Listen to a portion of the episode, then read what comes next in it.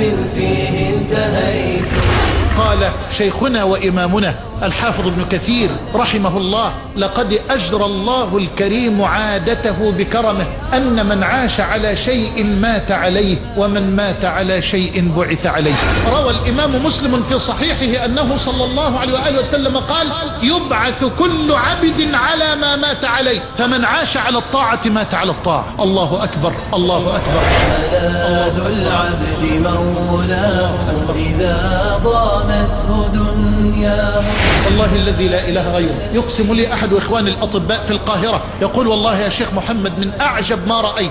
دخل علينا رجل من أهل القرآن ليجري جراحة يقول الرجل تجاوز الستين عاما. لحيته بيضاء وجهه منير مشرق. يقول فلما لبس ملابس الجراحة بكى.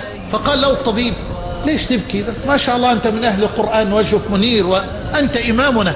قال يا ابني والله أنا ما أبكي خوفا من الموت ولا خوفا من الجراحة. قال سبحان الله إذا لماذا تبكي؟ قال والله سألت فعرفت أن العملية ربما تستغرق أكثر من أربع ساعات. قال نعم ربما من أربعة إلى خمس أو ست ساعات. قال الحمد لله. طب خايف قال لا لا لا. أمال بتبكي ليه؟ قال والله أنا بس ببكي لأني سأحرم اليوم من قراءة الورد اليومي للقرآن. النهاردة مش هعرف أقرأ القرآن الورد اليومي. قال له بتقرأ كم جزء؟ قال بفضل الله أنا بختم كل ثلاثة أيام مرة. يعني أقرأ كل يوم من عشرة أجزاء. أنا الآن أخشى أن يضيع مني هذا الورد اليومي القرآن. يقول الطبيب فشعرت بضآلة شديدة لنفسي وحقارة شديدة لنفسي. رجل في جراحة يخشى أن يفوته ورده اليومي من القرآن وهو في مرض.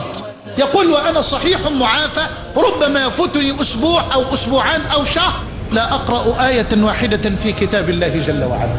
يقول ثم نظر لي هذا الوالد وقال لي يا ولدي أنا أريد منك طلبا. قال اتفضل. قال أريد أن أصلي ركعتين وإذا وضعتموني على المكان الذي ستجرون لي فيه الجراحة أرجو أن تتركوني ساعة كاملة لأبدأ في قراءة الورد اليومي للقرآن.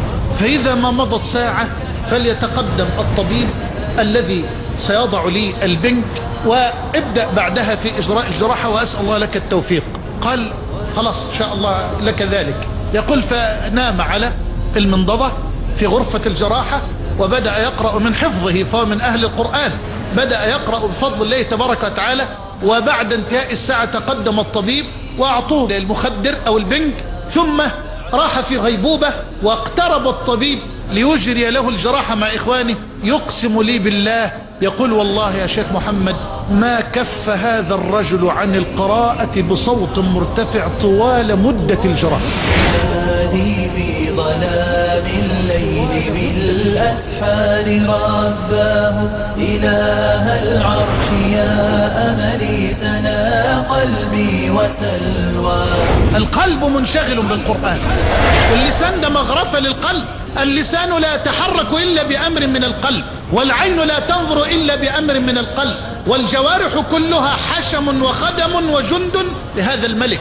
قال أبو هريرة القلب ملك الأعضاء والجوارح جنوده ورعاياه فإن طاب الملك طابت الجنود والرعاية وإن خبث الملك خبثت الجنود والرعاية. وأجمل من قول أبي هريرة قول نبينا صلى الله عليه وسلم ألا وإن في الجسد مضغة إذا صلحت صلح الجسد كله وإذا فسدت فسد الجسد كله ألا وهي القلب.